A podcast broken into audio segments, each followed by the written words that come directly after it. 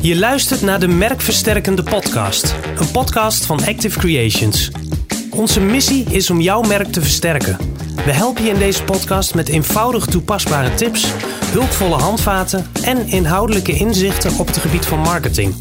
We trappen af met Active Cialdini, een podcastserie over de zeven beïnvloedingsprincipes van Robert Cialdini. Hoe kun je ze inzetten om potentiële klanten extra te overtuigen van jouw product of dienst? Hoe helpen deze principes om mensen voor jouw merk te laten kiezen? De komende tijd diepen we ze alle zeven voor je uit. In deze eerste aflevering vertellen Hans Winter, Corné Winter en ik, Bas Wilbring, je alles over het principe eenheid. En daarnaast wie Robert Cialdini is en hoe hij tot zijn inzichten kwam. Onze eerste podcast. Yes. Corné en Hans. Misschien uh, goed om uit te leggen waarom we deze podcast uh, beginnen. Want uh, we gaan de komende tijd in op de zeven principes van Robert Cialdini. Ja, kun je wat over zeggen, Hans? Deze podcast hebben we met name bedacht om onze, met name onze bestaande klanten wat meer informatie te gaan geven over opties die er zijn om marketing toe te passen. Om daar eens een stap verder in te gaan dan dat we wachten uh, als er verzoeken komen, als er vragen komen of als we zelf eens een, een, spontaan ideetje hebben. Maar door onze klanten veel meer mee te nemen en ze veel meer te, uh, eigenlijk te informeren, kennis met ze te gaan delen. Om te zorgen dat ze zelf ook wat meer betrokken gaan raken bij marketing. We zien toch wel dat marketing vaak ook nog wel ondergeschoven is. Um, en op deze manier willen we ze ook zelf wat meer motiveren en inspireren. Ja, en dan de manier van kennis delen ook. Er zijn een heleboel uh, manieren om in de marketing uh, bepaalde technieken toe te passen. Uh, ja, we hebben nu uh, gekozen voor Robert Cialdini. Kun je kort uitleggen wie dat is? Ja, dat is een oud hoogleraar marketing en psychologie, een, een Amerikaan. En hij, ehm, hij heeft een aantal boeken geschreven waarin hij beïnvloedingsprincipes heeft uitgelegd. En met die principes laat hij zien hoe wij eigenlijk op een onbewuste manier beïnvloed worden in de keuzes die wij maken. En hoe dat in de marketing op een, uh, op een goede manier toepasbaar is.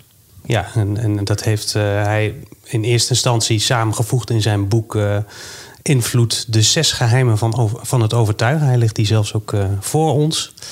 Um, en dat is echt een, een bestseller ook geworden. In 1984 uitgebracht. En ik denk dat hij sindsdien ook uh, een heleboel marketeers heeft beïnvloed. Hoewel het misschien in eerste instantie niet eens bedoeld was als, als een marketingboek, maar meer een uh, bewustwordingsboek voor mensen. Dat, ze ook, ja, dat mensen ook doorhebben dat ze onbewust beïnvloed worden in, in hun keuzes.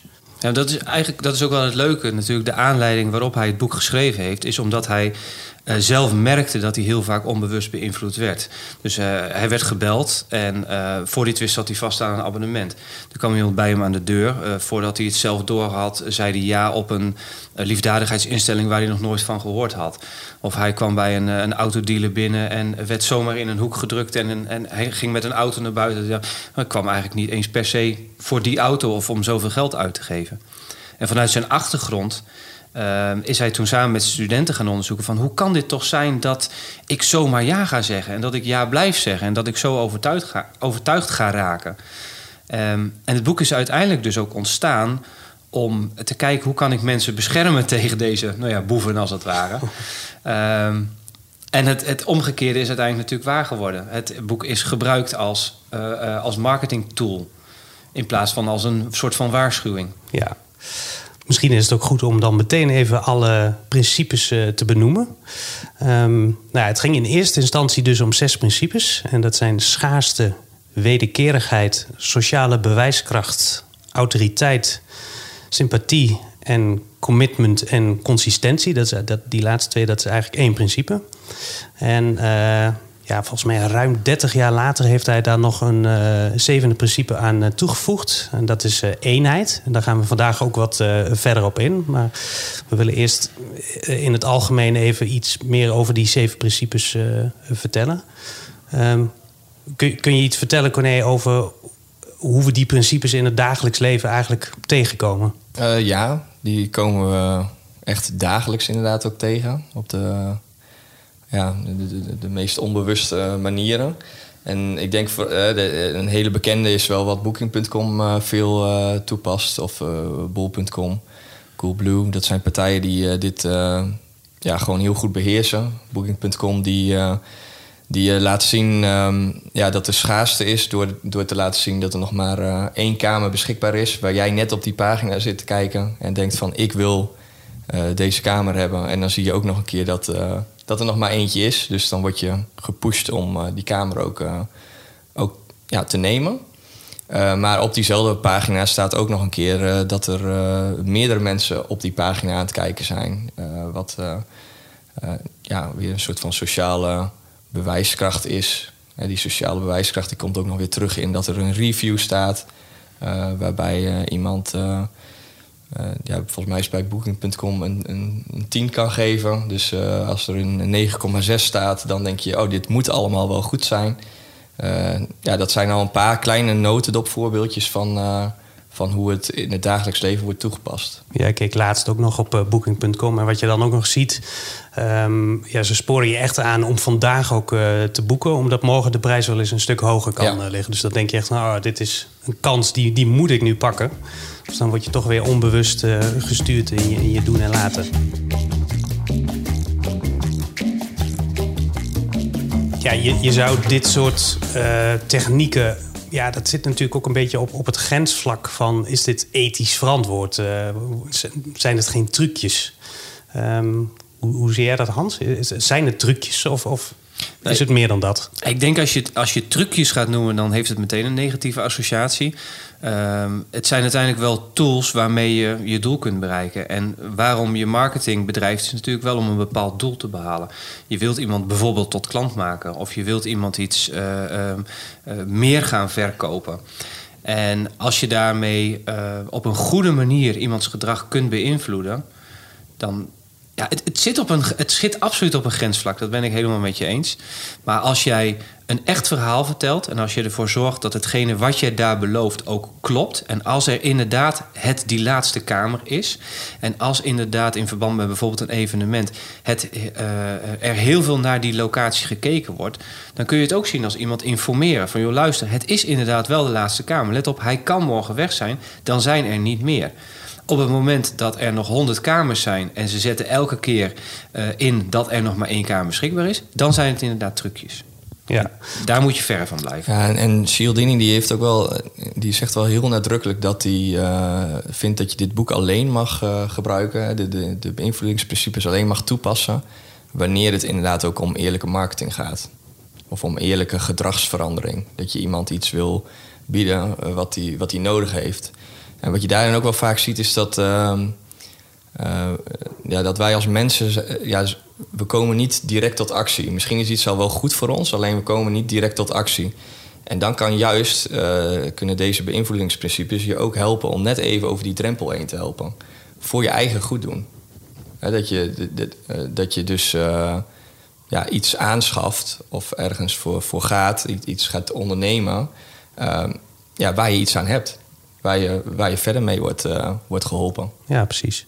Ja, dat, een mooi voorbeeld is ook, eh, dat, dat gaf Cialdini aan. Eh, hij trapt er eigenlijk zelf ook nog in, om het zo maar te noemen. Dat, hij was een keer bij een soort van mediamarktachtige winkel. En hij was daar niet eens zozeer voor het kopen van een televisie. Maar hij zag daar een heel mooi exemplaar staan in, in de aanbieding. En hij kwam in gesprek met, met, met de verkoper daar. En die zei ook van ja, het is een hele mooie televisie. En eh nou, scoort hele goede reviews. Eh, het is alleen wel de laatste die we hebben.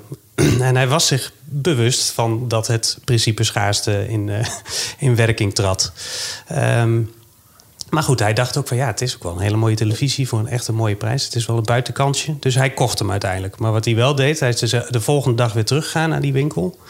En heeft hij gekeken of niet op diezelfde plek precies dezelfde televisie stond. Dus met andere woorden, was wat de verkoper zei ook echt de waarheid. Nou, dat bleek ook te zijn, want er stond niet dezelfde televisie. Dus eh, nou, dat was voor hem echt eh, een soort van ja, dienstverlening. Want eh, die, die verkoper die had hem erop gewezen dat dit wel de laatste is. En hij zou zich een beetje bekocht voelen misschien... als hij de volgende dag terug zou komen... en die televisie niet meer zou kunnen kopen. En dan wordt, het dus een, dan wordt het dus een goed advies in plaats van een trucje. Ja, precies. Ja. En, en natuurlijk helpt het de verkoop ook om daadwerkelijk die televisie te verkopen. Alleen ja, hij, hij helpt ook de, de, de, klant. En nou ja, vervolgens heeft Cialdini ook op de website een hele goede review achtergelaten waarin uh, hij aangaf dat de verkoop hem ontzettend goed heeft geholpen. En dat is dan ook weer sociale bewijskracht die die winkel verder heeft geholpen. Maar ja, dat zijn dus eigenlijk continu onbewuste processen. Nou ja, Cialdini was in dit geval zich er wel bewust van. Maar bij veel mensen is het denk ik ook een onbewust proces dat continu speelt. Ja, en ik heb wellicht nog wel een ander mooi voorbeeld die, die je wel op aansluit of misschien wel helpt om ja, te begrijpen of het onethisch is of ethisch. Uh, je hebt in die, eh, ik weet niet welke jaren, maar laten we de jaren 40, 50 uh, zeggen, dat er toen de tijd veel reclame werd gemaakt voor sigaretten. En um, een principe die ze daarbij hebben gepakt is autoriteit. Dat, ze, dat is dat als iemand met een bepaald expertise iets zegt, dan geloof je het eerder. En bij de, de Marlboro's onder, onder de wereld hebben ze toen toegepast dat je um, ja, de sigaretten liet aanbieden door iemand in een witte jas, een arts. Ah ja, dat uh, heb ik gehoord, ja. Ja, dus dan zag je echt, uh, die, die, ja, die advertenties kun je ook wel terugkijken. Uh, dan zie je echt iemand staan in, in een witte jas die een arts voorstelt. En misschien ook wel echt was. En die zei van, koop, koop dit pakje sigaretten. nou ja, nu weten we het, met de kennis van nu weten we zeker dat dit onethisch is en onjuist. Um, op dat moment ja, kun je dat betwisten. Want je weet natuurlijk niet of zij destijds ook de kennis hadden van... is het inderdaad ongezond? Maar ja, dus destijds mocht het misschien. En uh, was het nog eerlijke marketing. Nu is het 100% uh, eh, oneerlijke marketing geworden. En zou je zeggen, ja, die, op die manier mag je die beïnvloedingsprincipes niet meer toepassen. Nee, sowieso is de witte jas, uh, denk ik, uh, wordt, wordt veel gebruikt om uh, autoriteit uit te stralen. Ja. Ook in andere reclames. zodra er een expert aan het woord komt, denk je van, oh, dit zal ja. dan ook wel echt goed zijn. Tandpasta's zijn er een voorbeeld van. Volgens mij heeft elke tandpasta-reclame iemand in een witte jas. Ja, precies. Ja. Of de, je ziet nog wel eens met dierenvoeding... waar dan een bepaald medicijn of een heel gezond iets aan toegevoegd. Dan zie je ook wel eventjes weer het, de eigenaar van het beestje... zie je dan weer bij een dierenarts komen... of bij iemand anders met een witte jas. Tot dat gevoel inderdaad van die autoriteit op te wekken.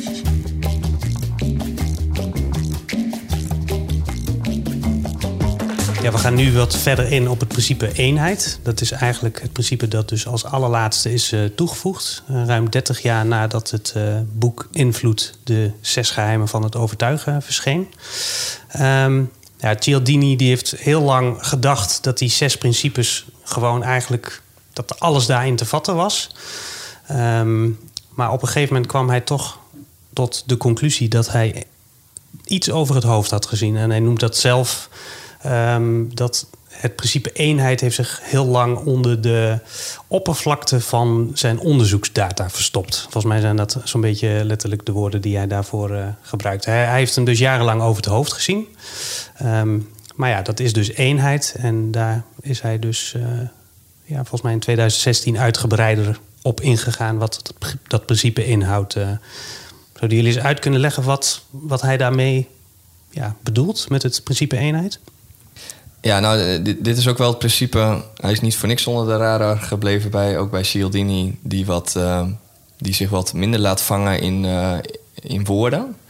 Um, maar eenheid ja, kun je ook wel samen noemen. Je, wil, je gaat ergens samen voor. Je, je, gaat voor een je creëert een team die ergens aan wil gaan bouwen, die een doel heeft, of die ja, ja, gelijkwaardig is of gelijke rechten behartigt. Hè. Denk eigenlijk aan familie alleen al. Familie heeft, je hebt een bepaalde familieband waardoor je ja, een eenheid vormt. En ja, je, hoort vaak zat dat mensen in families veel meer door het vuur gaan voor elkaar dan dan als het geen familie was geweest. Misschien, misschien nu in deze huidige context is Oekraïne en Rusland ook een heel mooi voorbeeld van, ja. voorbeeld van eenheid. Ja. Dat de inwoners van een land voelen zich heel sterk verbonden ja. met hun eigen land. En nou, er komt een andere mogendheid komt binnenvallen. En dan ja, zie je wat er allemaal aan ellende uit voortkomt. Nou ja, en trek dat door naar iets leukere dingen zoals het, het, voetbal. Waarbij je ook ziet dat zodra er een EK of een WK komt, dan dan staan wij, nou, zeker in Nederland, allemaal vooraan om in het oranje te gaan staan. En dan sta je opeens met mensen die je normaal gesproken ja, niet zou spreken, maar dan vorm je opeens gezamenlijk een eenheid. Dus er ontstaat een soort van saamhorigheid die, die daarvoor niet bestond. En ik vind daarin vakanties ook altijd wel een, een mooi voorbeeld. Als je in het buitenland bent en je komt Nederlanders tegen, dan voel je daar ook een soort van verbondenheid mee. Terwijl je die mensen, als je in Nederland tegen waren, was gekomen, ja, waarschijnlijk niet eens begroet had. Nee, dus eigenlijk vorm je als individu, maak je onderdeel uit van een heleboel eenheden, om het zo maar te noemen. Ja. Dat kan dus, uh, we zijn allemaal inwoners van Nederland. Ja. We hebben een gedeelde geschiedenis. We hebben een gelijke cultuur. We spreken dezelfde taal.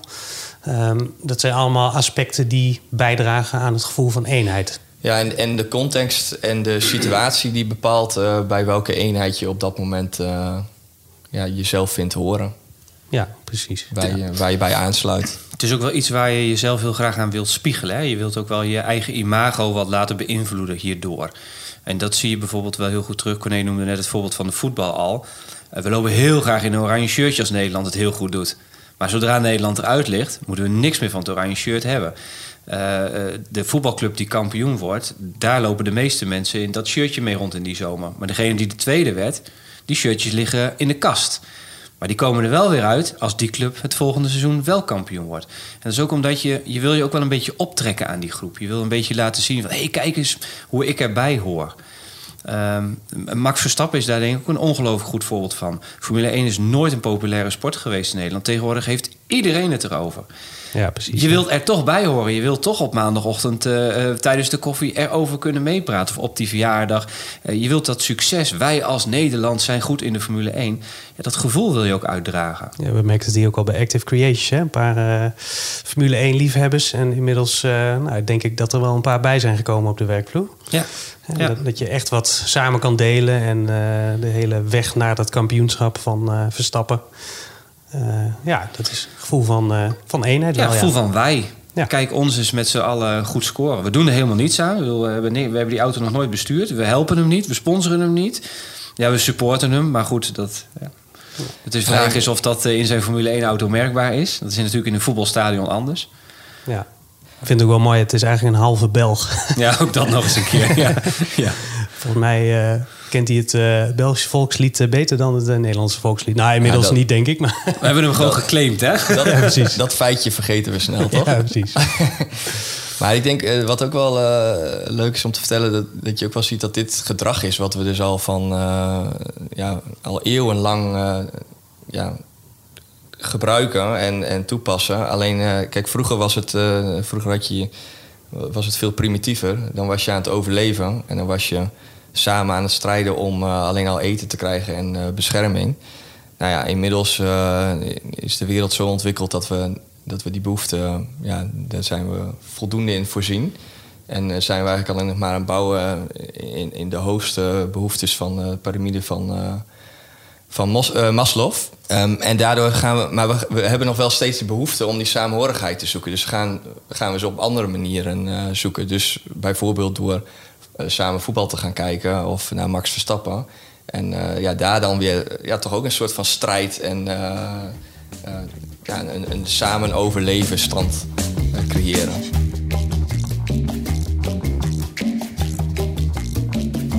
wat is de link met Active Creations uh, als we kijken naar, naar het uh, principe eenheid?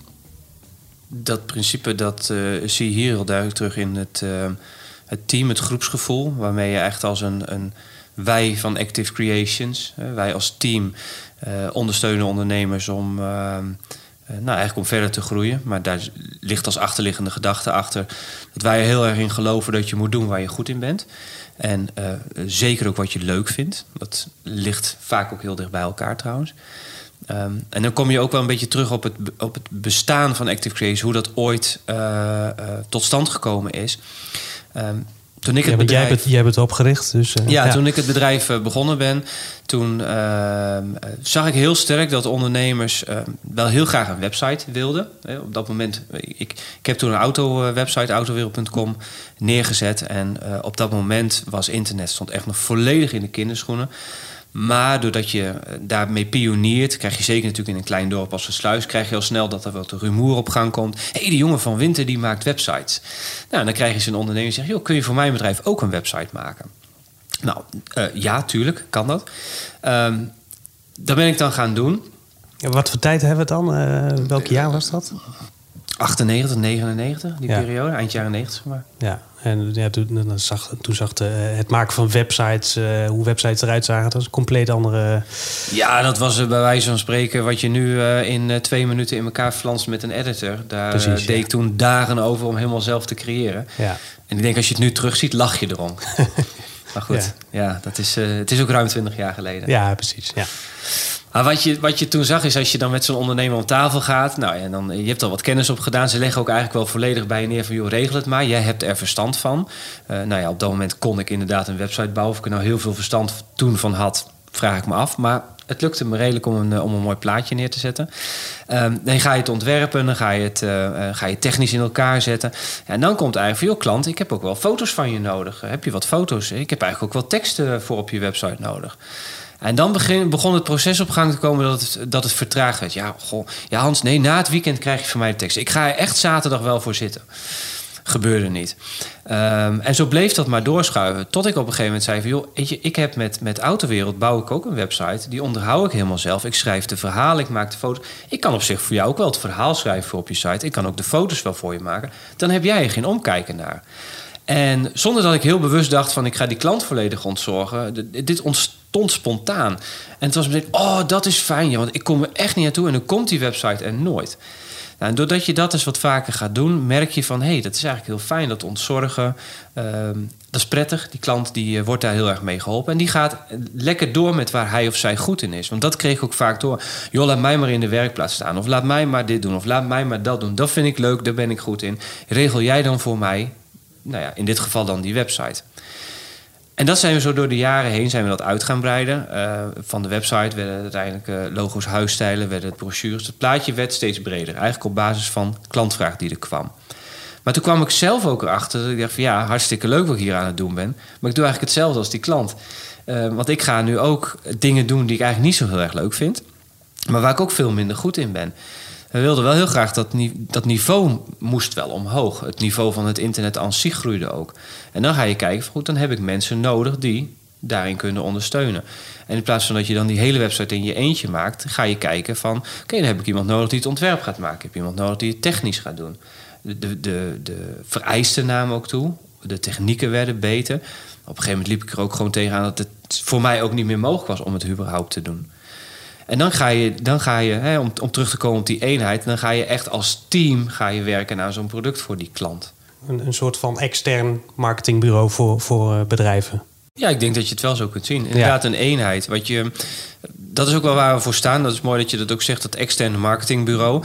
Wij willen ook echt wel voor die klant die partner zijn. En uh, ook aangeven, joh, ga jij inderdaad lekker doen wat je doet. Je hebt een partner naast je staan die al die disciplines heeft. Um, waar ook al die specialismen weer zeg maar, onder vallen, die jou daarmee kan ondersteunen.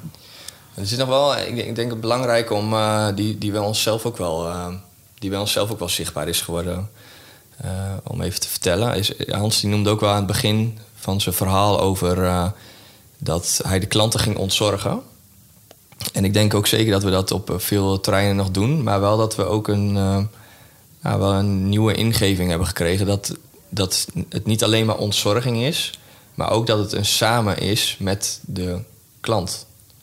Um, dat, dat ook hij erbij uh, bij betrokken is en onderdeel is van ja, eigenlijk van ons team. Om te zorgen dat zijn merk versterkt wordt. Want we kwamen er wel achter dat de klant heeft ook gewoon hele belangrijke bijdragen om ervoor te zorgen dat hij een sterk merk gaat creëren. Alleen al beginnend bij dat het verhaal wat wij voor hem gaan vertellen, dat is niet ons verhaal. Maar dat is de verhaal, het verhaal van de klant zelf. Hoe betrekken wij onze klanten erbij? Ja, daar hebben we inderdaad wel naar gekeken van hoe kun je dan uh, ervoor zorgen dat het echt een samen wordt. Dat het draagvlak is, ook vanuit uh, de klant. Um, en een van de manieren hoe we dat doen is door met een uh, merkidentiteitssessie de klant ook van begin af aan erbij te betrekken. En samen met hem te gaan zitten, zes vragen door te nemen. Er zitten twee, drie experts vanaf onze kant bij. Daar mag de ondernemer van bepalen wie hij daarbij bij wil hebben zitten. mooi als die een, een grote team heeft dat hij vanuit verschillende disciplines mensen erbij betrekt. Zoals er ook, zodat er ook verschillende perspectieven zijn en ook binnen zijn team weer draagvlak kan worden gecreëerd. Um, en vervolgens uh, gaan we dus aan de hand van die uh, zes vragen gaan wij uh, ja, zijn merkverhaal omhoog halen. Want het is, het is echt omhoog halen, want het, het zit er wel in. Die ondernemer die doet al heel lang iets waar hij heel goed in is. Um, maar ja, het, het, is voor aan ons dan de taak om samen met hem te zorgen dat dat verhaal boven komt drijven. Hè, wat hij onbewust altijd al goed gedaan heeft, dat we dat naar boven halen. En dan uh, vervolgens, als wij daar allemaal van zeggen van ja, dit is het verhaal, dan gaan, we dat, gaan wij dat uitdragen aan de hand van marketinguitingen. En gaat die ondernemer samen met zijn team gaat hij dat uitdragen door ja, simpelweg te doen waar hij zo goed in is. En wat hij zo gaaf vindt om te doen. Ja, en zo creëren we eigenlijk een, een nog grotere eenheid van ons team dat zijn team versterkt en samen dat merk versterken. Ja, dan zijn we dus ook weer samen met de, de klant een team. Als ik er nog even op uh, in mag haken. Um, je hebt de vraag gesteld van of dit ethisch is. En um, ik denk dat we hierbij ook heel goed kunnen beantwoorden... dat de manier waarop wij het doen het absoluut ethisch is omdat wij juist de ware identiteit van een bedrijf boven willen halen. En daar pakken we de unieke kenmerken uit. Dus eh, ik, ik gebruik zelf als, als voorbeeld van bij marketing mag je het best een beetje opkloppen. Het mag best een klein beetje opgepoetst worden. Um, maar het moet wel kloppend zijn. Het moet wel echt de kern van het bedrijf zijn. En wat je daarbij ook heel vaak merkt, is dat ondernemers het ook moeilijk vinden om aan te geven wat ze nu zo uniek maakt. Want dan krijg je vaak, ja, maar dat is toch logisch? Nee, dat is het dus niet altijd. Misschien kun je dat ook doortrekken uh, als je als bedrijf met het principe eenheid uh, aan de slag wil gaan. Uh, en je gaat bijvoorbeeld in op een EK of WK voetbal. maar je hebt zelf helemaal niks met voetbal. Um, ja, vroeg of laat ja, gaat dat toch een beetje schuren met elkaar. als, je, als je niet je eigen verhaal uitdraagt en dat ook aan laat sluiten bij je, je, bij je marketinguitingen. Ja, en ik denk ook echt wel dat je iets moet zoeken waar je ja, ik noem dat dat het echt op aangaat. Waar je intrinsiek door gemotiveerd bent. Dus als jij inderdaad niks met voetbal hebt, dan kun je jezelf nog wel een paar keer uit je bed halen om uh, te denken, nou, ik ga wel mee en uh, ik ga ervoor. Maar vroeg of laat uh, ja, gaat je dat opbreken. en juist de andere kant, de mooie kant van de medaille is, dus als je wel samen een doel hebt gecreëerd en samen een waarom, uh, en dat is uh, voor mij uh, ja, heel goed samen te vatten in van waar kom jij je bed vooruit? Wat, hoe wil jij betekenisvol zijn? Als je dat gecreëerd hebt, dan, dan kom je zelfs goed je bed uit op, op het moment dat je een, iets mindere dag hebt. Ook al heb je een kater bijvoorbeeld, dat je wel denkt van nee, wacht, ik ga wel mijn bed uit, want ik wil gewoon, ik wil gewoon meehelpen in dit team om te creëren wat we aan het creëren waren, waren en het, het doel te bereiken wat we graag voor ogen hebben. Ja. En dat is iets wat wij, uh, ja, waarom ik voor mezelf in ieder geval wel kan zeggen dat ik uh, elke dag uh, zonder problemen mijn bed uitkom en hier naartoe rij. Omdat ik het gewoon super gaaf vind om, ja, om bezig te zijn, om iedereen in de wereld te helpen te, te doen waar die goed in is en waar zijn krachten liggen. Dat is iets waar ik wel heel veel energie van krijg.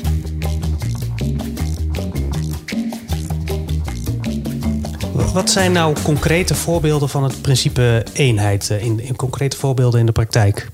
Nou, eh, een concreet voorbeeld is, is co-creatie. Dat betekent dus dat je iets samen met je klanten gaat, gaat creëren. Um, dat kan in verschillende opzichten zijn. Een van de dingen bijvoorbeeld is dat je een klant gaat betrekken bij de ontwikkeling van een product. Dat je ze gaat vragen voor advies.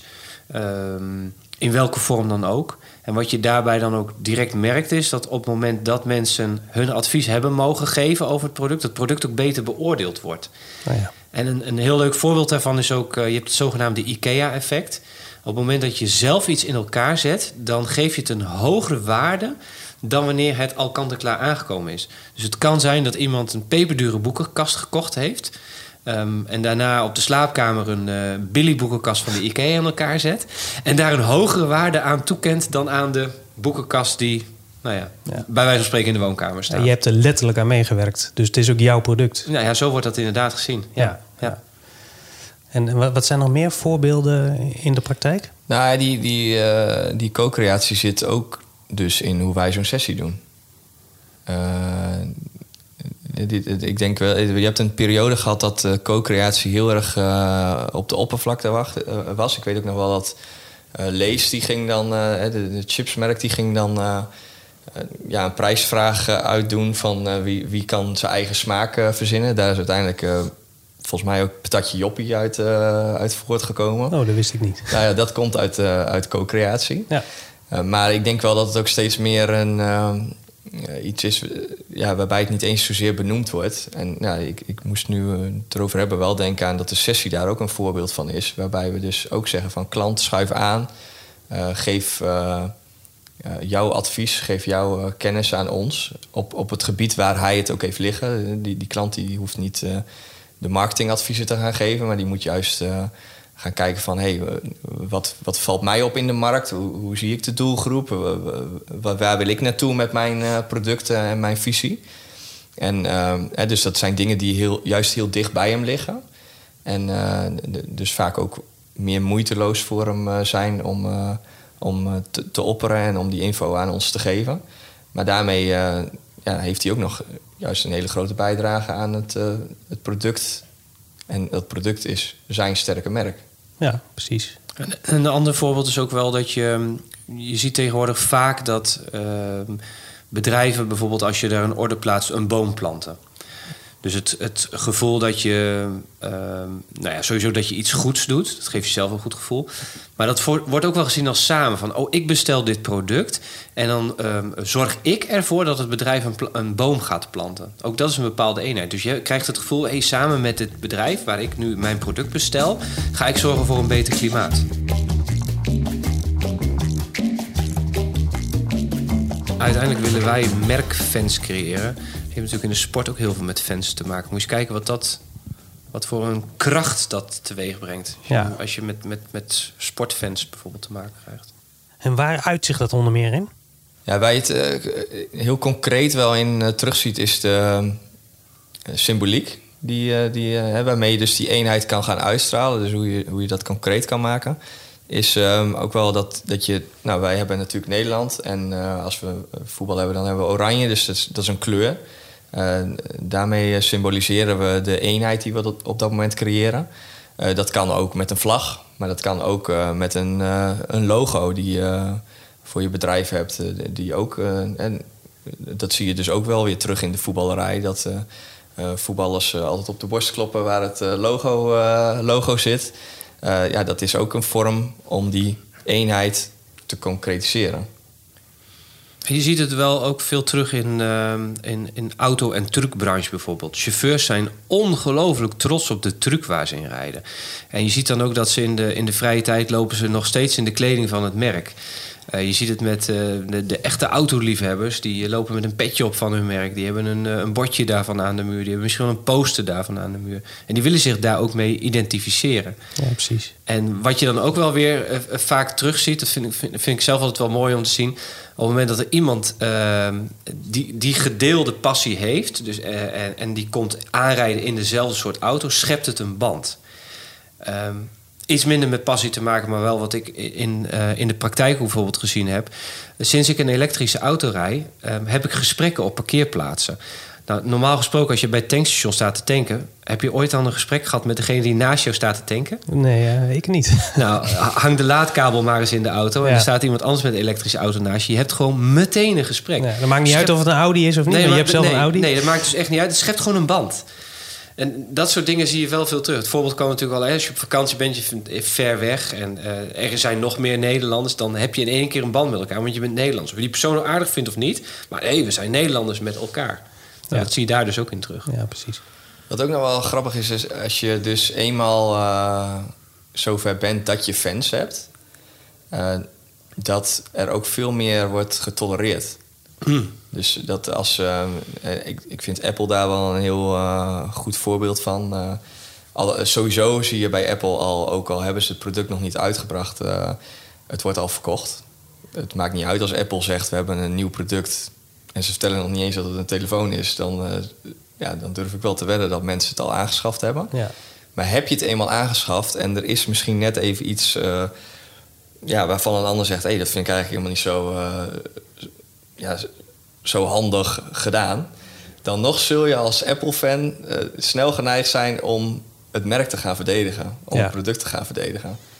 En ik durf daarin ook wel te stellen dat het niet altijd zo is dat je uh, nou er zo van overtuigd bent dat, uh, dat het product inderdaad 100% goed is. Er kan ook best wel iets mis mee zijn.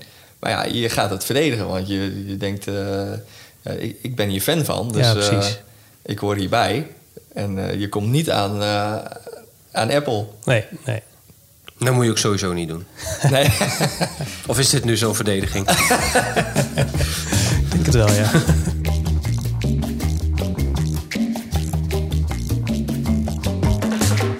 We hebben nu een aantal uh, voorbeelden genoemd van uh, eenheid. Uh, ja, eigenlijk gaat het veel verder dan alleen marketing. Ja, dat klopt zeker. En dat zie je dus ook dat het merk versterken gaat ook veel verder dan, dan alleen maar marketing. We hebben zelf een x aantal jaren geleden ook een, eigenlijk een heel simpel modelletje erbij bij gehaald. die aan de hand van drie pijlers aangeeft hoe, ja, hoe je aan je merkidentiteit kan bouwen. Als je daarop inzoomt, dan zie je ook dat dat niet alleen gaat over marketinguitingen. Ehm, de drie pijlers zijn uh, symboliek, uh, communicatie en gedrag. Um, bij symboliek uh, gaat het heel erg om de kleuren, de lettertypes, de vormen die je gaat gebruiken, die dus de, de, de merkidentiteit symboliseren. ja, als je dat wel in marketing zou betrekken, dan, dan gaat het dus over, het, over een logo en een huisstijl die je creëert. Dan heb je de communicatie. Dat is eigenlijk alles wat je gebruikt om met de klant te communiceren. Uh, advertenties, websites, social media, dat kun je daar allemaal uh, onderscharen waar, waarmee je dus ja, je probeert je doelgroep te bereiken. En als laatste heb je dan gedrag. En gedrag is degene waarmee we ja, niet alleen met marketing uitingen aan het werk gaan, maar waar de klant ook een hele belangrijke rol heeft. Want het gedrag gaat heel erg over ja, wat voor producten maakt de klant. Sluiten die aan bij de merkidentiteit die die uitstraalt. Maar ook welk personeel heb je in dienst en uh, hoe communiceren die met jouw doelgroep? Is dat consistent met wat je uit wilt dragen? Dus op die manier uh, is het. Je komt eigenlijk ook dat samen weer heel erg in terug. Uh, kunnen we samen aan die drie pijlen gaan sleutelen en gaan kijken van hoe kunnen we nu zorgen dat de gewenste merkidentiteit die we samen opgesteld hebben in zo'n sessie uh, ook echt tot uiting gaan brengen van het logo tot aan je personeel die aan de telefoon een klantenwoord staat op de manier zoals je dat samen graag voor je, voor je ziet.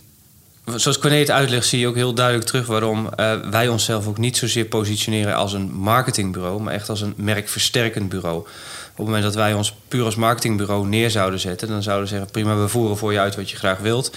Uh, wij maken die, die symboliek en die communicatie. Dus bijvoorbeeld die logo huisstijl, die brochures, die teksten schrijven. Maar wij denken ook heel graag mee in dat gedrag.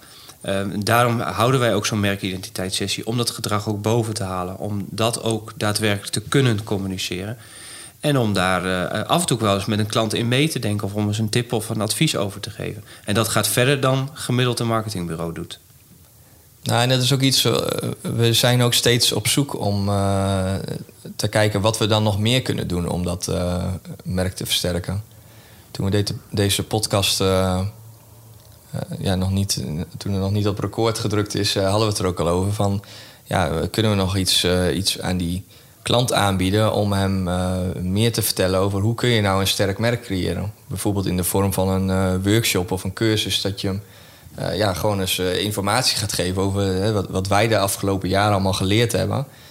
en wat niet direct aan, aan marketing gerelateerd is, maar wel wat, wat hij gelijk kan toepassen in de praktijk. En ja, waarmee, waarmee hij dus geholpen is.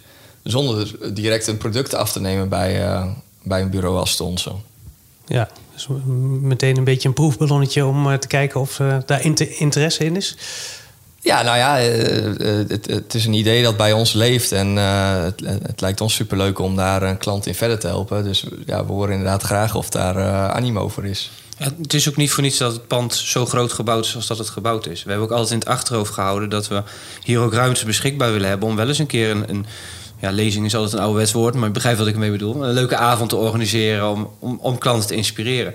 En nu via de digitale wegen kan er natuurlijk ook heel veel. Ja, het allermooiste is natuurlijk als het fysiek kan.